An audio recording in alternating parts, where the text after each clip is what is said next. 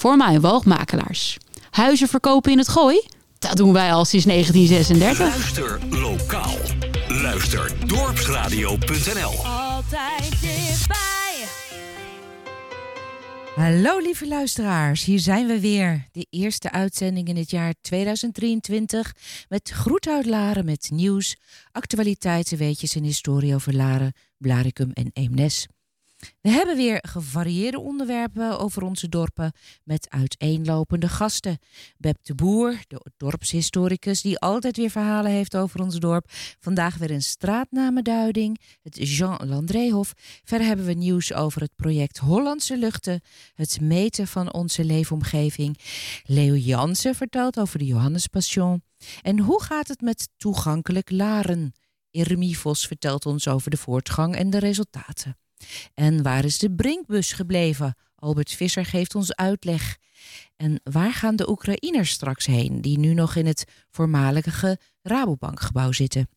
Dit en nog veel meer het komende uur. Vandaag is het donderdag 12 januari 2023 en vanuit de studio in Laren verzorgt Manasse weer de techniek. En de presentatie is vandaag door Anjo, Joke en Erika. Blijf het komende uurtje maar weer lekker luisteren. Blijf op de hoogte van wat er speelt in jouw dorp. Dorpsradio Laren. Laren die kampt nog altijd met een groot parkeerprobleem. De parkeerplaats naast Singer aan de Hein-Keverweg... die biedt onvoldoende ruimte voor bezoekers van Singer... maar ook voor mensen die in het dorp werken, winkelen of wonen... is het moeilijk een parkeerplek te vinden. Singer en de omwonenden ondervinden hinder van het gebrek aan parkeerplaatsen... en daarom is Laren nu naarstig op zoek naar een snel te realiseren... tijdelijke oplossing voor dit parkeerprobleem... Er wordt een beroep gedaan op het oplossende vermogen van de inwoners. En op dinsdag 17 januari vanaf half acht in het Brinkhuis in Laren houdt de gemeente een themabijeenkomst. Omwonenden en ondernemers uit het gebied rond Singer die worden per brief uitgenodigd voor deze bijeenkomst. Maar ook inwoners en andere geïnteresseerden die geen brief hebben ontvangen zijn ook welkom om mee te denken. En op vrijdagen en zaterdag staat ook het centrum van Laren helemaal vol met geparkeerde auto's. Uh, ook op plekken waar dat helemaal niet mag. Fout parkeren lijkt op deze dagen wel tot een soort norm te zijn verheven. Aldus burgemeester Nanning Mol. Vandaag in de krant. En later dit jaar start de gemeente dan ook met het opstellen van een verkeersvisie. Uh, die moet voor de langere termijn oplossingen gaan bieden voor dit en andere parkeerproblemen in het dorp. En ook hierbij zal een beroep worden gedaan op het meedenkend vermogen van de Laarders. Meer info is te vinden op de gemeentesite van Laren. In januari doen wereldwijd miljoenen mensen mee aan Dry January, een maand lang geen alcohol drinken. En in onze regio Gooi en Vecht doen ook jaarlijks honderden mensen mee aan deze alcoholvrije maand georganiseerd door IkPas met ondersteuning van onze regionale GGD. Misschien doet u ook wel mee. Nou, wethouder Flip de Groot uit Laren, mede-initiatiefneemster Eva Mulle van Bijzonder Laren en ondernemer Ron Wietse van restaurant Mauve gaven onlangs het startschot voor de campagne Dry January. Diverse horecaondernemers uit Laren doen mee. Zij bieden in januari een speciale selectie alcoholvrije dranken, ook alcoholvrij in combinatie met een menu of organiseren een alcoholvrije proeverij. Als u de Larense horeca deze maand bezoekt, vraagt u vooral eens naar het aanbod alcoholvrij. Nou, Dry January is een jaarlijks terugkerende actie. 62% van de deelnemers voelt zich fysiek fitter 55% slaapt beter en 32% verliest gewicht. Als u ontdekt misschien toch vaak en veel te drinken of moeite heeft met stoppen, kunt u ondersteuning krijgen. Informatie kunt u vinden op de site van de GGD. En met het ophalen van de kerstbomen dit jaar loopt het nog niet helemaal soepel. Veel mensen weten niet dat het ophalen dit jaar anders loopt. Eh, de GAD rijdt namelijk maar één keer langs om de kerstbomen huis aan huis in te zamelen, met uitzondering van een aantal pilotgebieden. Een deel van Laren is zo'n pilotgebied waar in samenwerking met een aantal aangewezen verenigingen een proef is gestart met de inzameling van de bomen. Binnen het pilotgebied kunnen de kerstbomen gebracht worden naar een centraal inzamelpunt. Van maandag 9 tot en met vrijdag 13 januari kunt u overdag tot half vier uw boom brengen in de voortuin van Boshoeven aan de Smeekweg in Laren. U ziet op die dagen een rode kerstboom in uw inzamelkalender. En met uw boom ondersteunt u de dagbesteding van Sherpa. En u kunt uw boom ook altijd brengen naar een van de scheidingsstations, zoals Krailo. Door de boom klein te knippen kan deze ook in de groene kliko. Let wel, de boom mag uit, niet uitsteken, want dan kan de wagen de kiepbeweging niet maken. Jouw dorp, jouw nieuws, jouw muziek. Dorpsradio Lara. En dan gaat het nu over het toegankelijkheidsteam Laren. Als het goed is, hebben we aan de telefoon de oprichter daarvan, Ermi Vos. Klopt dat? Ja, dat klopt. Ah, Ermi. Van harte gefeliciteerd met je verjaardag allereerst. Ja, dankjewel, dankjewel. Leuk dat je nog even tijd voor ons wilt maken. Ja, dankjewel. Heel, uh, ja, en nou, vijf jaar geleden al heb je het toegankelijkheidsteam opgericht om het voor mensen met een handicap makkelijker te maken zich zonder ongelukken te verplaatsen in ons toch wel oude dorp met uh, allemaal stoeptegels die omhoog komen door boomwortels en zo. Wat heb je bereikt in de afgelopen vijf jaar? Ik ga je eerst onderbreken, want het is niet voor, specifiek voor ouderen of mensen met een, een handicap. Uh, het is eigenlijk voor alle inwoners. Want uh, het is voor inwoners uh, slechte been, minder valide. we hebben natuurlijk veel ouderen in het dorp. Maar ook mensen met een kinderwagen die er last van hebben. Dus het is niet alleen voor mensen met een handicap. Oké. Maar wat, wat heb je bereikt inmiddels? we hebben inmiddels ja, best wel veel bereikt. Ehm, we hebben bereikt dat we dit jaar, het afgelopen jaar, hebben een inloopspreekuur zijn we gestart. En dat inloopspreekuur is elke eerste woensdag van de maand. Dat is voor mensen die bijvoorbeeld niet um, terecht komen, kunnen via de sociale media. Die vinden het fijn om, uh, zodat we een kort lijntje hebben. We hebben inmiddels al aardig wat mensen uh, mogen ontvangen. Die, die, komen met meldingen. Die meldingen behandelen wij. En die sturen wij ook door naar de digitale overheid. Daar worden we ook geregistreerd om bij te houden wat we allemaal voor mensen over de vloer krijgen. Dat is een enorm succes. Uh, we hebben nu de samenwerking met de nieuwe wethouders. Daar moeten we nog even aan wennen. Want uh, ze hebben beide een, stukje in hun portefeuille. Tot nu toe hebben we twee keer overleg gehad. Dat is even een, weg te vinden met wie en wat. Uh, en ja, hun moeten natuurlijk ook een beetje kijken wat wij allemaal tot nu toe hebben gedaan. En wat we nog willen en wat we voor doelen uh, willen echt doen. Uh, dan hebben we nog presentaties uh, gegeven bij buurtpreventieverenigingen. Dat is ook een eye-opener voor heel veel mensen. Dan leg je uit via een presentatie wat we allemaal gedaan hebben, wat we graag zouden willen. En de mensen worden dan ook veel bewuster van wat er voor obstakels in het dorp zijn en waar men dan ook rekening mee kan houden. We kunnen natuurlijk niet Um, ja. Als je nou problemen noemt hè, bij de gemeente, wordt het dan ook aangepakt? Heb je het oor van de gemeente hierin? Ja, ja tot nu toe hebben wij het oor erin. Uh, we hebben uh, tijdens uh, vier maal per jaar een, jaar, of een vergadering, een overleg. En dan bespreken we alle punten die wij ontvangen. Er zijn dingen die al staan vanaf 2018. Mei 2018 ben ik gestart. En die staan er nog steeds. Alleen de gemeente kan ook niet alles, uh, geen ijzeren handen breken natuurlijk. Want er zijn heel veel. Wat is er wel gebeurd al? Ik bedoel, welke straten uh, die zijn, zijn aangepast? Uh, wordt er meer gelet op bijvoorbeeld overhangende heggen?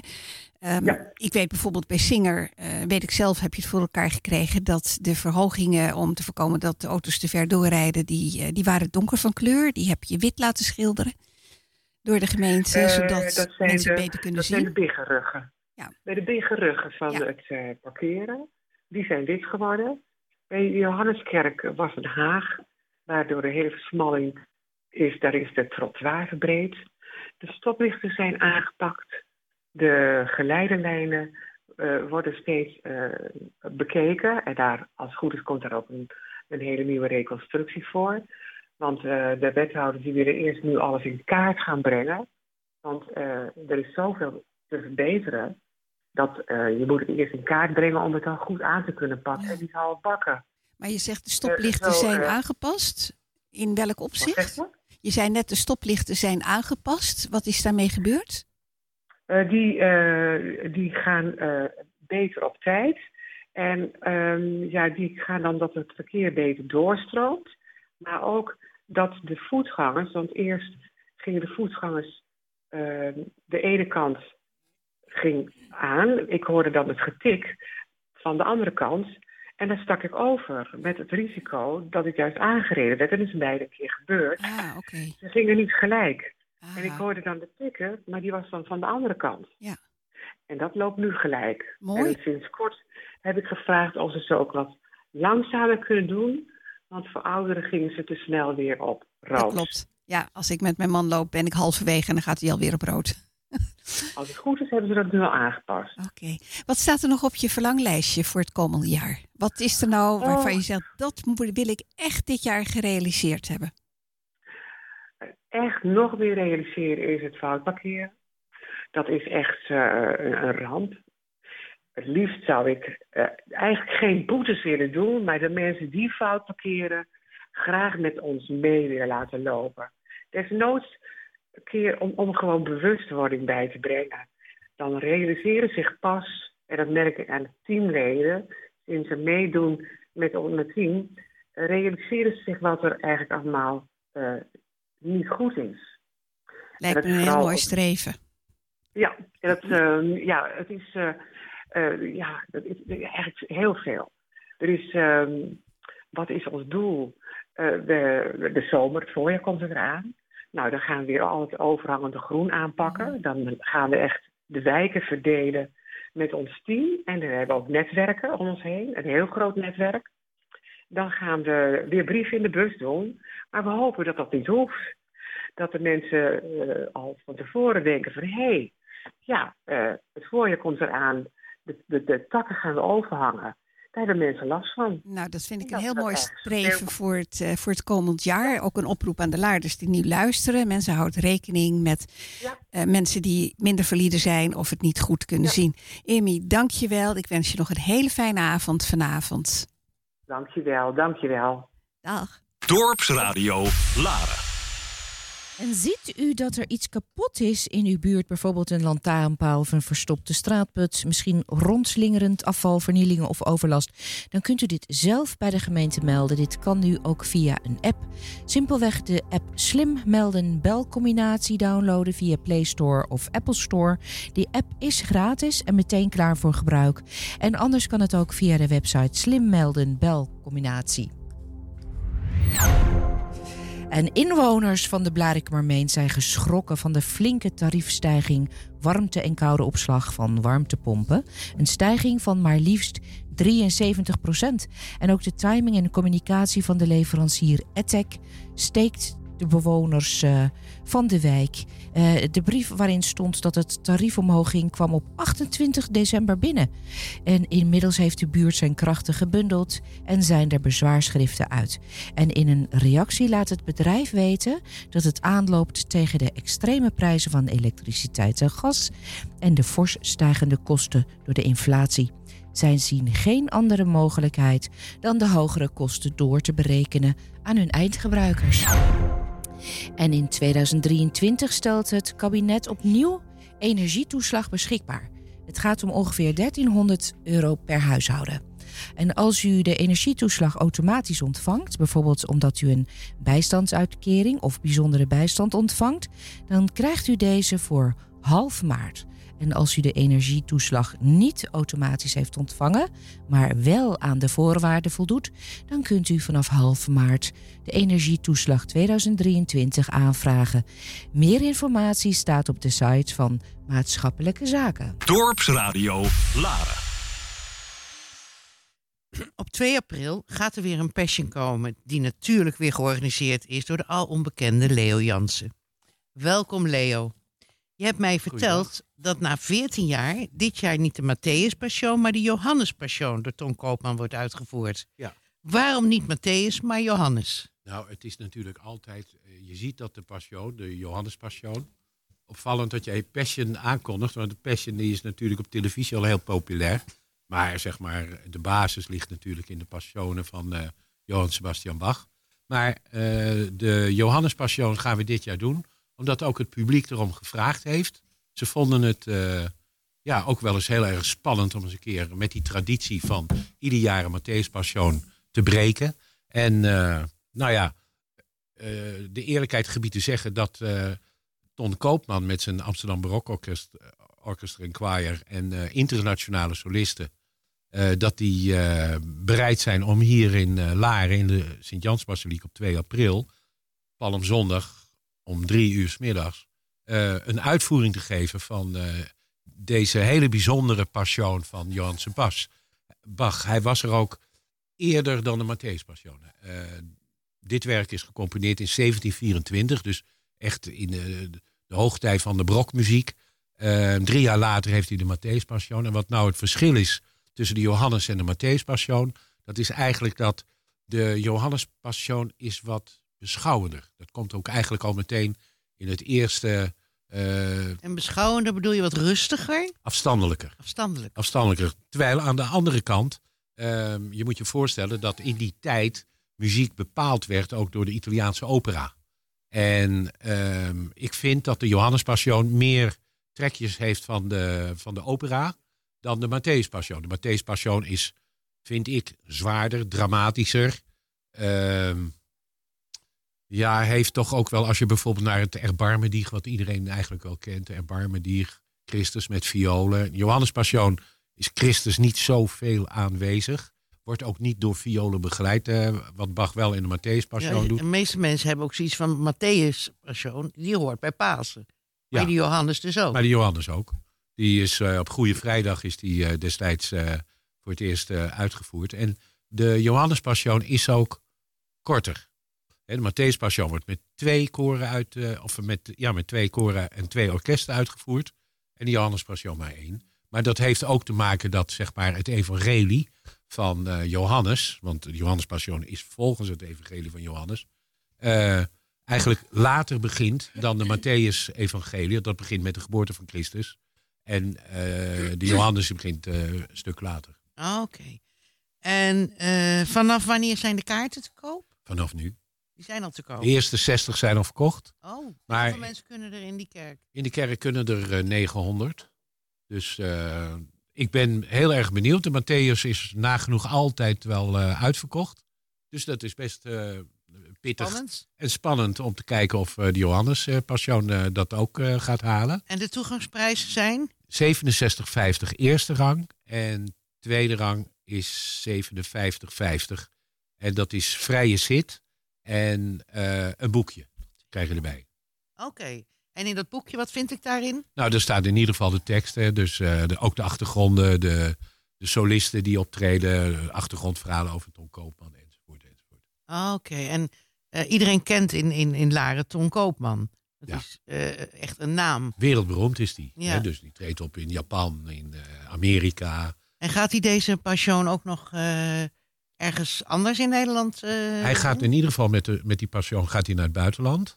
Eh, in Nederland weet ik eh, niet zeker, maar Ton Koopman is vermaard. Niet alleen omdat het een fantastisch dirigent is, maar ook, hij is ook eigenlijk, als je in Leipzig met hem komt, hè, zeg maar de stad van Bach, Ja. dan, dan buigen ze allemaal diep voor hem. Hè. Hij is ook de, de beheerder, de, de, de voorzitter zeg maar, van het Bach- Bach-archief. Jij bent daar dus geweest. Denk Ja, ik. sowieso. Ik heb een bloemetje op het graf van Bach gelegd, tuurlijk. Echt waar? Wat leuk. Ja. Nou, hartstikke fijn. Dankjewel voor deze informatie. Mag ik nog even zeggen waar je de kaarten kunt eh, Ja, dat bestellen? wel even doen. Op www.lareklassiek.nl, hè, want die organiseert Dat het. zetten we op onze pagina in- op Facebook. Heel goed, www.lareklassiek.nl. En via de Nationale Theaterkassa, en dat is 0900 Dat zetten we op de- 9203. Ja, maar dat onthouden mensen toch niet. Dat zetten we dus op onze Facebookpagina. Als je het zo nog even opschrijft, Ik ga dat gaan doen. wij dat eh, even voor jou klaarmaken. En ik neem aan dat je voor 2 april nog wel een keer terugkomt, zodat we ook een stukje kunnen horen ervan. Nou, heel graag. En eh dankjewel voor de aandacht nu. Oké, graag gedaan. Wil jij meewerken aan Dorpsradio Laren? Dan zoeken we jou. Dan zoeken we jou. Kijk op dorpsradio.nl. Ja, aanstaande dinsdag, 17 januari, zijn er om 8 uur in het gemeentehuis op de Kerklaan 16 in Blaricum ronde tafelgesprekken. Wilt u nou deelnemen aan de beeldvormende ronde tafelgesprekken of het woord voeren over een niet geagendeerd onderwerp, dan kunt u dit vooraf melden uiterlijk maandag voor 12 uur bij de Griffier. En de vergadering is live te volgen. De dag na de ronde tafelgesprekken is de vergadering per agenda punt te beluisteren. En gaan u buren verbouwen? En hoe weet u daarvan? Nou, besluiten zoals vergunningen, bouwplannen en plaatselijke regelgeving in uw omgeving wilt u natuurlijk graag weten.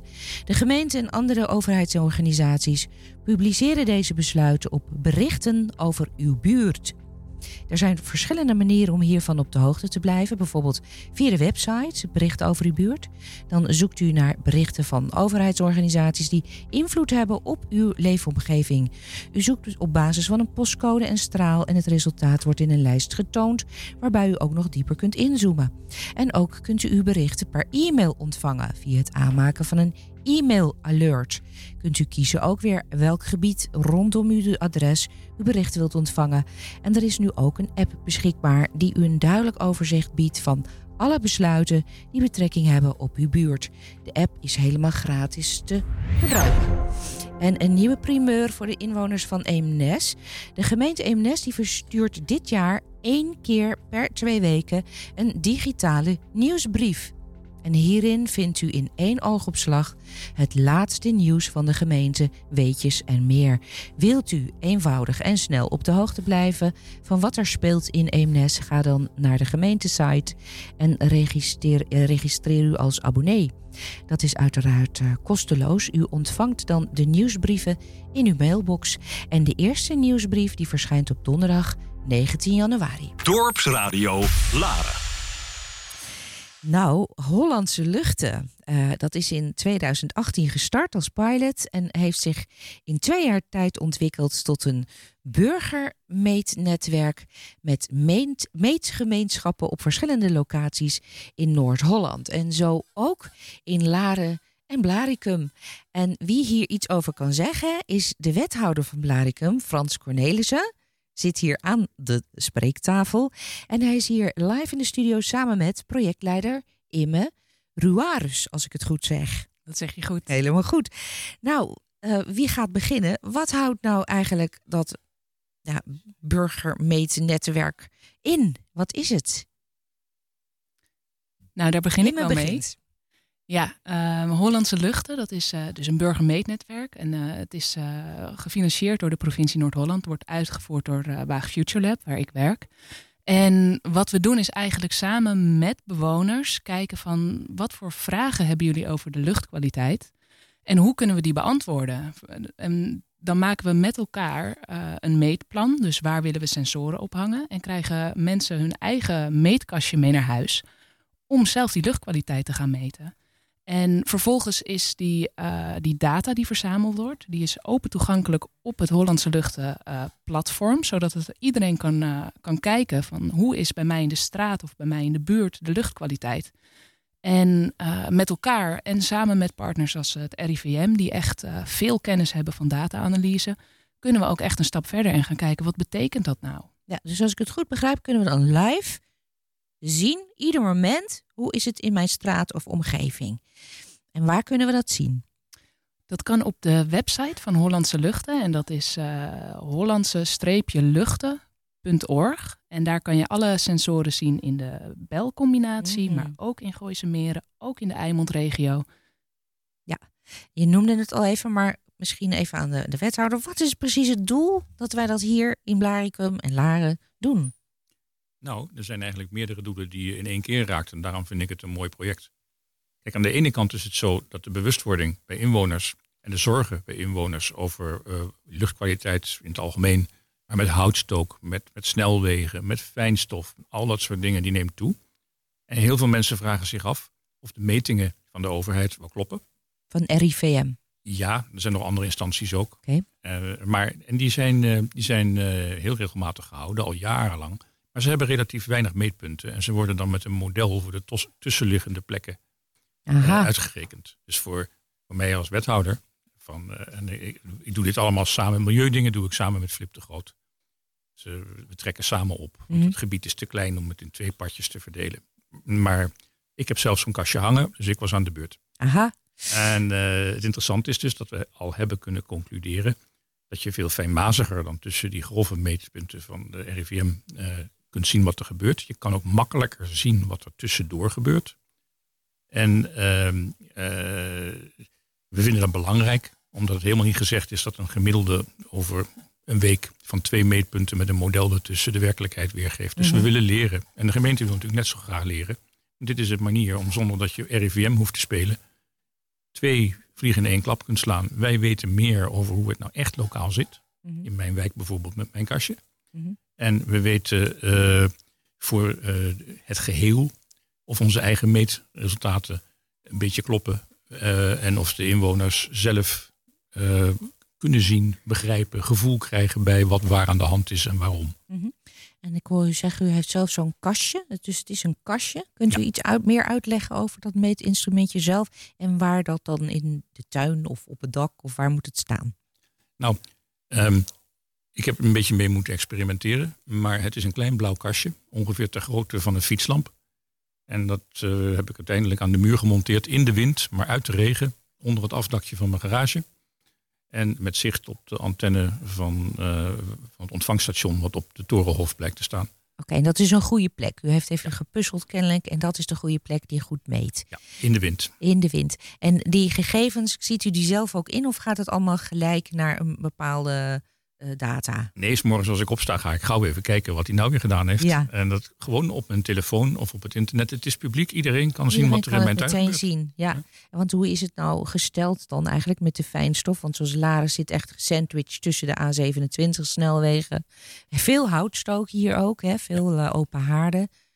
Wat kunt u daarover zeggen? Tot nog toe. Maar ik ben pas eh, sinds 1 januari in bedrijf. Maar tot nog toe kan ik af en toe houtstook zien. Mhm. Maar wel veel minder dan, dan ik eigenlijk zou denken. En ik zie een, eh, dat we verder allemaal een beetje in hetzelfde schuitje zitten. In de ochtend, met de ochtendspits, gaat in de hele streek eh, de fijnstofmeting een beetje omhoog. Gelukkig ver onder de waardes waar je je ongerust over zou moeten maken. Maar we wonen natuurlijk ook in een heel groen gebied. is nogal wie dus. Toch wel, hè? Ook al lijkt het dat we helemaal omgeven zijn door wegen. Nou, het is nog heel wat anders dan een stad zelf. Ja. En de normen zijn gemaakt om ook die stad zelf eh, veilig te houden. Maar je- het is goed om het te weten. Ja. En dan ga ik even weer naar, naar Ime, dank u wel. Eh, wat, want zijn er al resultaten binnen? En zijn daar ook verschillen te zien qua metingen per gemeente eh, ten opzichte van het landelijke? Nou, we, we hebben het eh burgermeetnetwerk van de sensoren eigenlijk net vorige maand uitgerold. Dus de eerste, nou de eerste... is nog heel nieuw. Precies, de eerste dingen heb ik al wel van een aantal van de bewoners gehoord. Nou, precies wat, wat net gezegd wordt van ik zie dit. Of ehm, bijvoorbeeld 1, 1 januari, eh, piek vanwege vuurwerk, die was zeker terug te zien. Maar wat we al twee jaar hebben hangen hier in, eh, in, de, in de regio zijn eh palmesbuisjes. En die meten geen fijnstof, maar die meten stikstofdioxide. En dat is dan weer net eventjes een andere meetmethode, een andere eh, inzichten. Uh, maar die zijn eigenlijk uh, de afgelopen twee jaar steeds uh, bekeken. En uh, daarvan zijn de resultaten tot nu toe best wel goed, best, wel oké. Okay. Ja. Oké. En, en die resultaten, wat gebeurt ermee? Kijk ik weer even naar, uh, naar de wethouder. Nou, die zijn best van belang voor de ruimtelijke ordening. Er zijn dus projecten met de A27. Nou, gelukkig hangen er zowel stikstofbuisjes als uh, de nieuwe variant uh, langs de snelweg in de wijken. De Bouwvenen, maar ook Laren heeft een flink stukje waar veel huizen op korte afstand van die snelweg liggen. En daar is er gelukkig ook een. Uh, verder zijn er bij Kraailooppunten en bij de afslag hier vlak in de buurt, in het centrum. Dus we hebben nu een veel beter beeld van wat we daar doen, wat de ruimte is en hoe serieus we bepaalde zaken moeten aanpakken als bijvoorbeeld aan de A27 gewerkt gaat worden. Wat we dan moeten doen uh, en hoe, hoe erg het is, bij wijze van spreken. Ja. Dat hebben we veel fijnmaziger en veel beter gedurende de dag. En, en, en wat zou bijvoorbeeld een concrete oplossing zijn op het moment dat u ziet dat, dat het toeneemt? Nou, in een aantal gevallen betekent het gewoon dat je maatregelen moet nemen zoals een hele hoge wal. Uh, en het hangt natuurlijk sterk van de windrichting af. Uh, maar meten is weten. En er zijn ook gevolgen waarbij je zegt van dat gaan we daar dus niet doen. Ja. Eh, om de eenvoudige reden dat het dan uit de hand loopt. Maar de opluchting is dat het dus in dit toch wel heel mooie gebied eigenlijk erg Er meevalt. best wel goed uitziet, ja. Nou, het is natuurlijk vrij nieuw, hoor ik net zeggen. Sinds een maand pas uitgerold. Zijn er, hoeveel meetpunten hebben we nu? En zijn er nog meetpunten nodig? In de bel geloof ik dat er 15 zijn, waarvan er 7 in bedrijf nu zijn. Ja, de, even kijken hoor. Er worden er nu in eerste instantie 15 uitgedeeld. Ehm, en daar, die zijn eigenlijk bijna allemaal al wel werkend. Eh, sommige mensen zijn nog een beetje op zoek naar de juiste plek. Ehm, en waar we heel erg naar gekeken hebben, we hebben een eh, startbijeenkomst georganiseerd en zijn eh, gaan kijken wat voor meetvragen zijn er nou. Die hebben we allemaal verzameld. En toen zijn we met een hele grote kaart van de regio gaan kijken.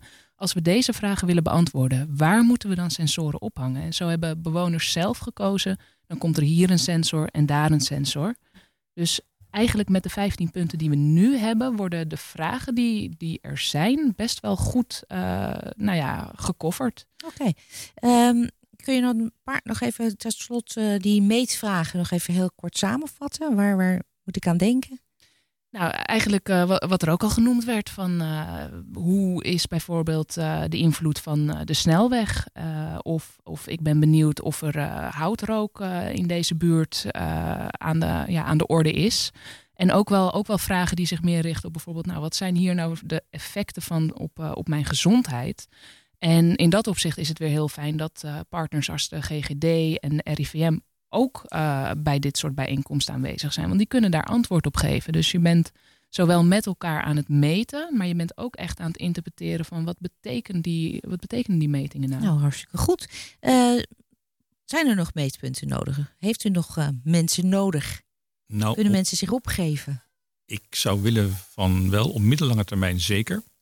En anders kunnen ze altijd met dezelfde kastjes via het andere publieke systeem, dat heet SODAC met een Q, uh, beginnen. Er zijn ook mensen die uh, als vrijwilliger met het apparaatje op hun fiets. En hij kan ongeveer vier uur zonder batterijvoeding. Uh, op bekende routes affietsen. En die kun je ook allemaal terugzien. Maar niet op de Hollandse luchtensite. Want die is speciaal voor vragen die we dus hebben in verband met onze gemeentevragen. Dat is de Sodak-site. Of zo. Sodak, Zoiets. En daarnaast, uh, iedereen kan gewoon meedoen. We organiseren de aankomende periode waarschijnlijk in maart een data-analyse bijeenkomst. En iedereen is welkom, want er zijn gewoon best wel wat sensoren door de hele regio aange, aange, uitge, uitgerold. En uh, ja, iedereen is welkom om te komen kijken van wat betekent dat nou voor Hmm. ons. Nou, ik hoor jullie graag weer over een tijdje terug om eens te horen wat de resultaten zijn. Met alle plezier. Heel hartelijk dank, wethouder Frans Cornelis uit Blaricum en Imme Ruaros, projectleider Hollandse Luchten. Dankjewel. Dankjewel. Dorpsradio Laren sponsoren? Kijk op onze website dorpsradio.nl of bel 035 781 0781. 035 781 0781.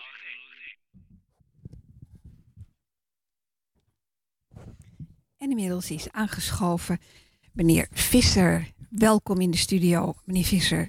U bent uh, uh, coördinator voor de jaarlijkse collecte, collecte sorry, van collecte van Amnesty International. Wanneer is die? dat is van zondag 12 maart tot en met zaterdag 18 maart.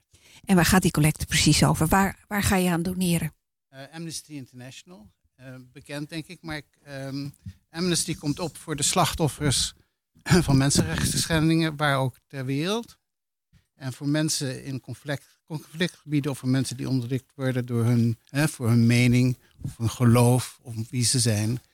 En daarvoor is veel geld nodig. En dat geld, um, ja, Amnesty wil niet afhankelijk zijn van uh, overheid of uh, politieke partijen. En daarom zijn collectes, is een collecte uh, waardevol, want dat is de manier om alle kosten te, te, te financieren. En heeft u voldoende collectanten? Zijn er nou voldoende mensen die dit nog willen doen om langs de deur te gaan? Weinig. Uh, ik, heb, ik ben nu een paar jaar uh, coördinator in het dorp. Ik, we waren met z'n zessen in, in Laren. Eentje die woonde eigenlijk al weliswaar in, binnen de grens van Laren, maar aan de andere kant van de A1. En die is naar, naar Bussum verhuisd, zeg maar, voor het collecteren twee hebben erop moeten zeggen. En dus we zijn nu nog met drie collectanten. En hoeveel zijn er nodig? zoveel mogelijk. Liefst, liefst heb ik een elftal, ja. Met elf mensen kun je heel Laren Nou ja, beslaan. kun je natuurlijk, eh, eh, ik- sowieso ehm, is het makkelijk om mensen te hebben in verschillende eh, wijken van, van het dorp. Zelf heb ik ehm, vorig jaar, ik heb één jaar in corona hebben we natuurlijk digitaal gecollecteerd. Eh, dat kan nog altijd. En, ehm, Werkt dat eigenlijk digitaal? ja, maar dan kun je natuurlijk eigenlijk gewoon vrij makkelijk van achter je, eh, met je telefoon eh, op social media, WhatsApp en al dat kun je natuurlijk een, een betaalverzoek uitsturen, een soort tikkie. Maar krijg je dan iets in je bus waar- waarin gevraagd wordt: wilt u dat digitaal doen? Want Ja, de- normaal gesproken zit ik niet achter mijn telefoon en denk ik: oh, ik zal Amnesty eens eh, doneren. de collectanten kun- krijgen dus de middelen om. eh, nee, je hebt en een bus met een QR-code dat je dus eh, cashgeld kunt hebben. Maar mensen kunnen ook, en dat is belangrijk. dat merkte ik vorig jaar op de markt. Mensen hebben niet zoveel geld meer. Nee, contant geld contant is er bijna geld is er niet meer. Nee. Maar je kunt dus ook gewoon doneren middels een QR-code die op de, de bus zit. Maar je, je kunt ook ehm, als collectant eh, in je eigen kennissenkring, vriendenkring, een betaalverzoek doen. En dan wordt dat dan rechtstreeks op de rekening van, eh, eh, van Amnesty overgemaakt. Dus dan kun je dus je zo nou- doneren. Hoe krijg je nou mensen geïnteresseerd om dit te doen? Nou, Dat bedelen om geld. Ik bedoel, Ik denk dat heel Nou, veel mensen daar. Ik heb het zelf. Moeite mee hebben. Ja, ik heb het zelf vorig jaar gedaan op de markt. En omdat dat de plaats is waar mensen eh, ja, lopen. En daar krijg je ehm, soms wel reacties die je niet verwacht. Heel vriendelijke reacties. Van ik ben al donateur en ik ben lid en zo. Eh, of ik heb gisteren al gegeven, eh, maar ja, soms denk je, kun je je vergissen en dan denk je van nou, Ehm, dat zou best wel iemand kunnen zijn om te doneren. En dan loopt hij zo langs je heen. Dat is, het is ook, eh, je leert mensen kennen als je collecteert op straat. Ja, dat denk ik ook. En dan kun je jezelf. Nou ja, goed, je maakt altijd wel een beeld van iemand. Zeg maar heel kort. Dat je zegt van. En je probeert oogcontact te maken. En dat is. Mijn ervaring is dat het op- straat heb je de- meer kans dan als je langs de deur gaat. Oké, nou, bij deze een oproep aan iedereen in Laren om eh, collectant voor Amnesty Ja, mag ik dan, of geef je dat op de site, de eh, service at amnesty.nl of op mijn eigen. Wij eh, geven het vanavond, oh, zal ik op de eh, 06, Facebookpagina, je- komt het allemaal eh, eh, ja, te ja. staan waar ze terecht kunnen. Ja, want ik heb nog een andere vraag. Want niet alleen Amnesty International, maar je bent ook verantwoordelijk voor de Brinkbus die vorig jaar gelanceerd werd. En eh, ik heb de afgelopen week een paar keer gebeld om te kijken of ik jullie te pakken kreeg. Maar ik krijg eh, heel snel krijg ik een bandje dat de Brinkbus, eh, nou dat er niemand beschikbaar is. Eigenlijk is het toch de bedoeling dat het wagentje tussen 9 uur s morgens en 5 uur s middags ehm, minder valide mensen naar een bestemming in Laren kan brengen. Ja, ik ben de Waarom rijdt hij niet? Ik ben de penningmeester van de, van de stichting. Ehm, het is een groot succes. Eh, we, hebben, eh, we hadden ehm, vorige maand echt wel dagen dat we twintig ritjes op de dag hadden. Maar het was toen ehm, ja, eh, net in die week dat het heel erg slecht weer was. hebben we moeten constateren dat de bus eigenlijk niet veilig is. Niet veilig genoeg is. Er is geen verwarming binnen voor de voorruit. Dus de voorruit is beslagen. Er zit maar één eh, ruitenwisser op.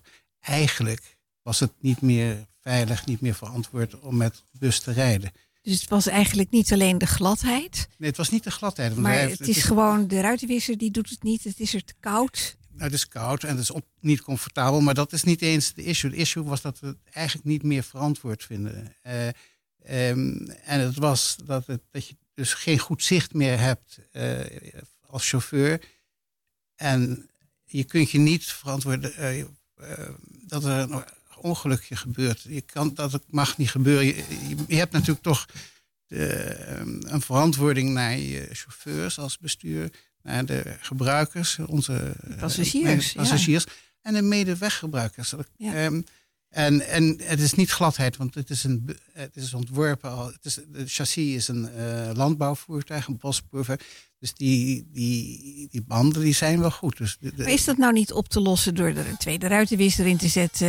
nou ja, we, hebben, we, we zijn ermee bezig. We hebben echt inderdaad uh, overleg gevoerd. We hebben gekeken welke alternatieven zijn. Er is destijds een, al extra een, een verwarming ingezet, maar die werkt niet voor, voor dit doel. Dus eigenlijk, um, we gaan 1 maart weer, uh, weer rijden. Um, maar, maar, niet als het regent.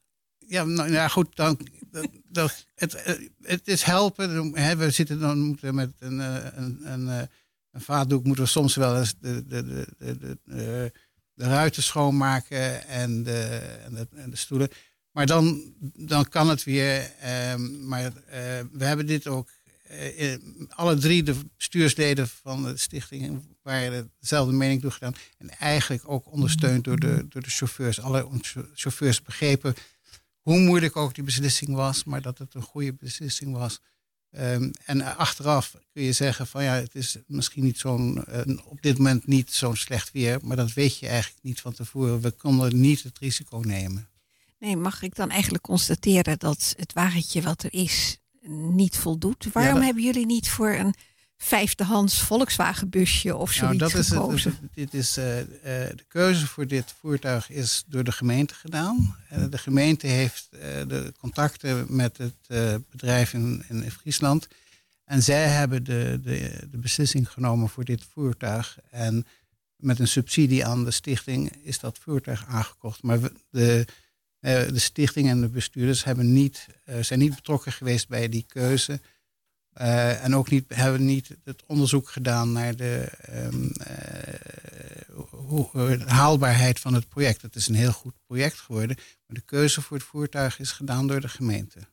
Ja, eigenlijk doodzonde, want het project bloedt op deze manier dood. Hè? Nou, als mensen niet meer geen contact kunnen krijgen. Ze hebben het eigenlijk juist nodig als slecht weer dit, is. Dit is, was natuurlijk gewoon het meest ongelukkige. Was juist op het moment dat ja. het meest... Uh, uh, dat de mensen er de meeste uh, profijt van zouden hebben, moet je, moet, je, moet je nul. En dat, ja. is, dat is ook echt wel. Heeft dat, maar we konden, konden gewoon niet anders. En waar we nu mee bezig zijn, en we gaan morgen weer op stap om te kijken dat we dit niet, dat, dat, dat het niet herhaald wordt volgend jaar en dat we daar een goede oplossing voor hebben. Uh, dus we zijn ermee bezig. Maar voor dit moment vonden we het eigenlijk kon, het kon niet anders dan dat we deze beslissing uh, moesten nemen. Ja.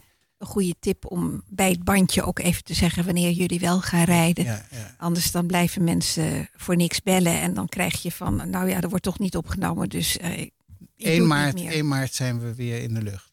Bij deze laarders. Ja, dankjewel. Hartelijk dank voor de komst naar de studio. En succes met het vinden van collectanten. Dank je. Dorpsradio Laren. Het nieuws rondom onze brink. Wist u dat uh, plastic doppen geld waard zijn? Per kilo ontvangt KNGF geleidehonden een vergoeding. Dus gooi de dopjes van frisdrank en melkpakken niet weg. Lever ze in op het belkantoor. Alle harde plastic doppen zijn welkom. Bijvoorbeeld van frisdrank of sap. Maar ook van tandpasta, shampoo, wasmiddel, potten, chocoladepasta u steunt niet alleen de opleiding van geleidehonden, maar spaart ook nog eens het milieu. De doppen worden gerecycled, er verdwijnt zo minder plastic in de afvalbak. Dus verzamel al uw plastic doppen en lever deze in bij de ingang van het belkantoor in de daarvoor bestemde bak in de hal. Meer weten, kijk op de site van de geleidehond. En burgemeester Nanning Mol heeft tijdens de nieuwjaarsreceptie een nieuwe traditie in het leven geroepen. Vanaf heden worden mooie initiatieven en betrokken inwoners in het zonnetje gezet. En dit jaar waren dat Alice de Brouwers, initiatiefnemer en oprichter van de stichting Huurhuizen voor Oekraïne. En samen met vier bestuursleden en een aantal vrijwilligers heeft zij geld verzameld en vervolgens huizen gehuurd en ingericht die zij ter beschikking stelde aan vluchtelingen uit Oekraïne. Uh, Patrick van der Schaaf en Steven Bress van de vriendengroep Le Boc. Die organiseerden een feest met live muziek, onder andere Frans Brouwer. En uh, food trucks, die in het laatste weekend van de zomervakantie plaatsvond voor de Sint-Jans Basiliek. En tot slot was het Jacques Vos, de initiatiefnemer van de derde helft. Uh, de vrijwilligers van de derde helft helpen ouderen vitaal te blijven. Door elke dinsdagochtend voor een hele grote groep inwoners activiteiten te organiseren op het en het clubhuis van SV Laren. En per 1 januari zijn alle werkzaamheden rondom de gemeentelijke belastingen van de gemeente Blarikum en Laren overgedragen aan de gemeente Huizen.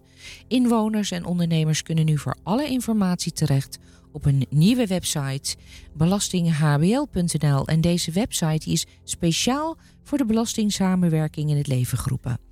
Op deze site vindt u dus alle informatie over de belastingen en ook contactgegevens. Even belangrijk, de drie gemeenten blijven zelf wel verantwoordelijk voor het maken van belastingbeleid en bepalen ook zelf de belastingtarieven. Vanaf dit jaar verstuurt dus de gemeentehuizen de belastingaanslagen voor Blaricum en Laren. En ook de waardebepaling van het onroerend goed in Blaricum en Laren en het jaarlijks afgeven van de WOZ-beschikking, die worden door huizen gedaan, net als het behandelen van de bezwaarschriften. Voor inwoners en, en, en ondernemers verandert er in de praktijk weinig. Uh, op de aanslag staat een andere afzender en met een uh, herkenbaar logo. Uh, inwoners en ondernemers van de drie gemeenten kunnen met vragen over de aanslag bij de gemeente Huizen terecht. En ook de nieuwe aanslag staan ook de nieuwe contactgegevens. Dorpsradio Laren. ja, ik moet even erg lachen, want ik gooi een glas water over de tafel heen. Gelukkig heb ik niet mijn gast geraakt ermee. Uh, Alice, nee toch? Nee hoor, ik ben nog helemaal droog. Alice School zit bij ons aan tafel. Ze is coördinator opvang Oekraïners vanuit de belcombinatie. Zij komt ons vertellen wat er met de op dit moment in Laren en Blarikum wonende Oekraïners gaat gebeuren nadat het Rabelgebouw op 1 april wordt gesloten. Welkom Alice. Dankjewel. Ik heb begrepen dat de Oekraïense mensen die hier in het Rabelgebouw wonen eind november al hebben gehoord dat ze eind maart gaan verhuizen. Waar gaan ze heen? Ja, klopt inderdaad. We hebben eind november een bijeenkomst gehouden in het kantoor, eh, ons kantoor voor alle Oekraïnse vluchtelingen die gehuisvest zijn in Blarikum, Eemnes en Laren. En in principe worden alle mensen die in onze gemeente verblijven gehuisvest of in de Barbeelstraat in Eemnes straks of op de Woensberg in Blarikum. Uh, in Blarikum, in de Woensberg, daar zijn staakcaravans. Ja, klopt. Die staakcaravans in Blarikum, zijn die gemo gemo gemeubileerd? Of mogen ze meubels van hier meenemen? Nee, de staakcaravans in, uh, in Blarikum die zijn ge geheel gemeubileerd. Dus daar hoeven geen meubels meer. Uh, Oké, okay. en de Barbeelstraat appartementen? De Barbeelstraat appartementen die moeten we nog wel inrichten. Dus daar is nu iemand mee bezig om na te denken hoe gaan we die inrichten en nemen we meubels mee, ja of nee? Als dat niet het geval is, dan gaan we wel zorgen dat die een maatschappelijk goede bestemming krijgen. Oké, okay. maar die, die, meubelen zijn toch goed? Dus die bedden en alles, die zijn een half jaar oud. Zeker. Nee, de meubels zijn goed. Uh, maar we moeten even kijken, is dat organisatorisch het slimst om te gaan doen? Is dat ook passend? Um, dus daar wordt nog een ei over gelegd. Oké. Okay. Uh, in Eemnes zijn de appartementen, worden nu nog gebouwd, toch? Klopt. Ja, en in Blarikum de Woensberg ook hoor, die staan ook nog niet. En wanneer is dat allemaal klaar? 1 april uh, zal dat ongeveer uh, opgeleverd gaan worden. 1 april. Met z'n 1 april gaan moeten ze hier uit. Nou uh, ja, dus dan gaan we een, een deel van de woningen in de Woensberg zullen misschien iets eerder klaar zijn. Dus daar um, wordt passen en meten. Maar in april gaat die verhuizing plaatsvinden. Oh, Oké. Okay. Ja. En heeft men ook nog een keuze of ze naar Blijkum of naar Eemnes willen? Um, nou, in die zin uh, kunnen wij niet uh, garanderen dat alle keuzes ook uh, gehonoreerd gaan worden. we gaan wel rekening houden met wat het beste uitkomt. Dus de mensen die nu in Neemnes verblijven, die gaan we allemaal in Neemnes um, um, plaatsen. En daarnaast gaan we vooral kijken naar hoe mobiel, de mobiliteit van de mensen. Um, en waar zijn, gaan de kinderen naar school? En op basis daarvan gaan we de indeling doen. Oké, maar de kinderen gaan nu hierin Laren toch op school? Uh, dat verschilt. Kinderen gaan in Laren naar school. Er zitten kinderen op de Kamperfoelie school, de taalschool in Huizen. Um, en er zitten ook uh, kinderen in Eemnes op school. Ja. En dan worden ze vanuit Eemnes met busjes naar de scholen gebracht, of niet? Ehm, nu gaan de kinderen die in Eemnes wonen, gaan gewoon in Eemnes naar school. De, de meeste kinderen in Laren die gaan naar de ploeg. Maar als je kijkt naar de afstand, eh, verschilt het iets tussen ehm, de Barbeelstraat in Eemnes en de Woensberg. Maar dat scheelt eh 1,5 kilometer. Dus Ja, maar ik bedoel, de ploeg, daar gaan ze nu van hier vandaan naartoe? Ja. En eh, daar gaan ze zelfstandig naartoe allemaal? ja, klopt, op de fiets. En dan gaan ze... eh, En Eemnes is net zo ver naar de ploeg? Ah, Oké. Nou, dankjewel. Je hebt veel duidelijk gemaakt. Wil je nog zelf iets erover vertellen? Ehm, nee hoor, ik denk eh, dat het zo duidelijk is. Misschien goed om te noemen dat we in februari weer een bijeenkomst hebben voor alle Oekraïnse vluchtelingen. En daarin gaan we dus ook vertellen hoe gaat de verhuizing in zijn werking. En dan gaan we ook aan ze vertellen eh, of ze dus of in de Barbeelstraat in Emnes gaan wonen of op de Woensberg in Ah, Berken. oké. Nou, dat, ik denk dat ze dat wel prettig vinden als ze ook een beetje in worden gekend. Zeker. En hoe doe je dat met tolken? Eh, we, we hebben een hele pool van tolken die ons eh, heel fijn bijstaan. Ah, Eh. Ja, Nou, hartstikke fijn. Dankjewel voor je komst en voor je uitleg. graag gedaan. En sorry van het glas water. Dorpsradio Laren. Bij ons zit nu onze vaste klant, Beb de Boer. Hekkensluiter. Hekkensluiter. Een paar weken niet gehoord. Nee, hè? Nee, ehm Beb, vertel. Je gaat het hebben over de Jean Landréhof. Jawel. Ik had er nog nooit van gehoord. Nee, dat dacht ik wel. Waar is dat? Ehm, die vind je aan het eind van het Mauverzand. In de richting van de vijver. Oké. En eh, het is een van de nieuwe straten van Laren.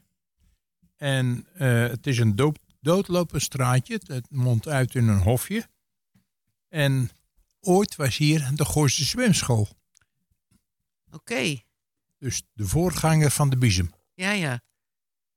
En daar was eh, meneer Breton, die was daar. En daar was dus een overdekt zwembad. Nee hoor. Dat was een, eh, een eh, heel open bad. Het was oerkoud. Het was verschrikkelijk koud, laat ik zo zeggen. Ja. Je zwom tussen de vissen.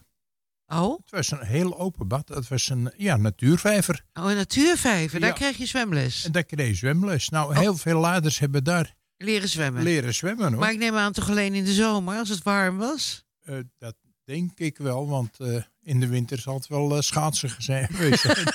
Het is, maar in 1972 was het daar afgelopen en werd, het, werd de Biesem gebouwd. Maar die vijver ligt er nog. Nee hoor, daar hebben ze huizen op geplant. Opgeplant. Ja. Dat is en dat, is, dat is de Jean Landrehof. Dus op dat Dus het terrein... is pas in de 70 jaren gebouwd, die huizen daar. Dat Ja, zijn dus geen ja. historische huizen. Nee hoor, nee. Dat is een hele nieuwe buurt. En eh, ja, er moest natuurlijk ook een naam komen. En toen dacht de gemeente van, eh, ja, Jean Landrehof. Waar komt die naam vandaan? Jean Landré was, eh, was geen onbekende hoor. Dat was, hij zat in het bestuur van het Sint-Jans ziekenhuis. En ook van Sanatorium Julianenoord. En hij was 23 jaar raadslid van de VVD. Oh, vandaar. Dus eh, hij is in, eh, in ze- 1960 was hij loco-burgemeester. Oh, Oké. En in de Tweede Wereldoorlog, toen zat hij in het verzet. En bij de bevrijding was hij plaatselijk commandant van de Binnenlandse strijdkrachten. Dus het was niet zomaar iemand. Nee, dat, eh, nee. Oké, nou. Hij overleed in 1962 en werd begraven op de Algemene Begraafplaats in Laren. Nou, weer een prachtig verhaal. Jawel, hè? Wanneer gaan we je weer zien? Eh, ik zie het wel. Oké. Ik, zo- ik zoek alweer een straatje op. Oké. ja. Nou, mooi, Oké. dankjewel. Tot de volgende keer. Tot de volgende keer. Ja. Dankjewel allemaal. Ja, het is eh, weer het einde van het programma. Het betekent eh, dat we er volgende week weer zijn. Bedankt allemaal voor het luisteren. We hopen dat u weer wat heeft opgestoken. Ook danken we alle gasten voor hun komst naar de studio, voor alle bijdragen. Eh, volgende week zijn we er dus weer met een nieuwe aflevering van Groeten uit Laren.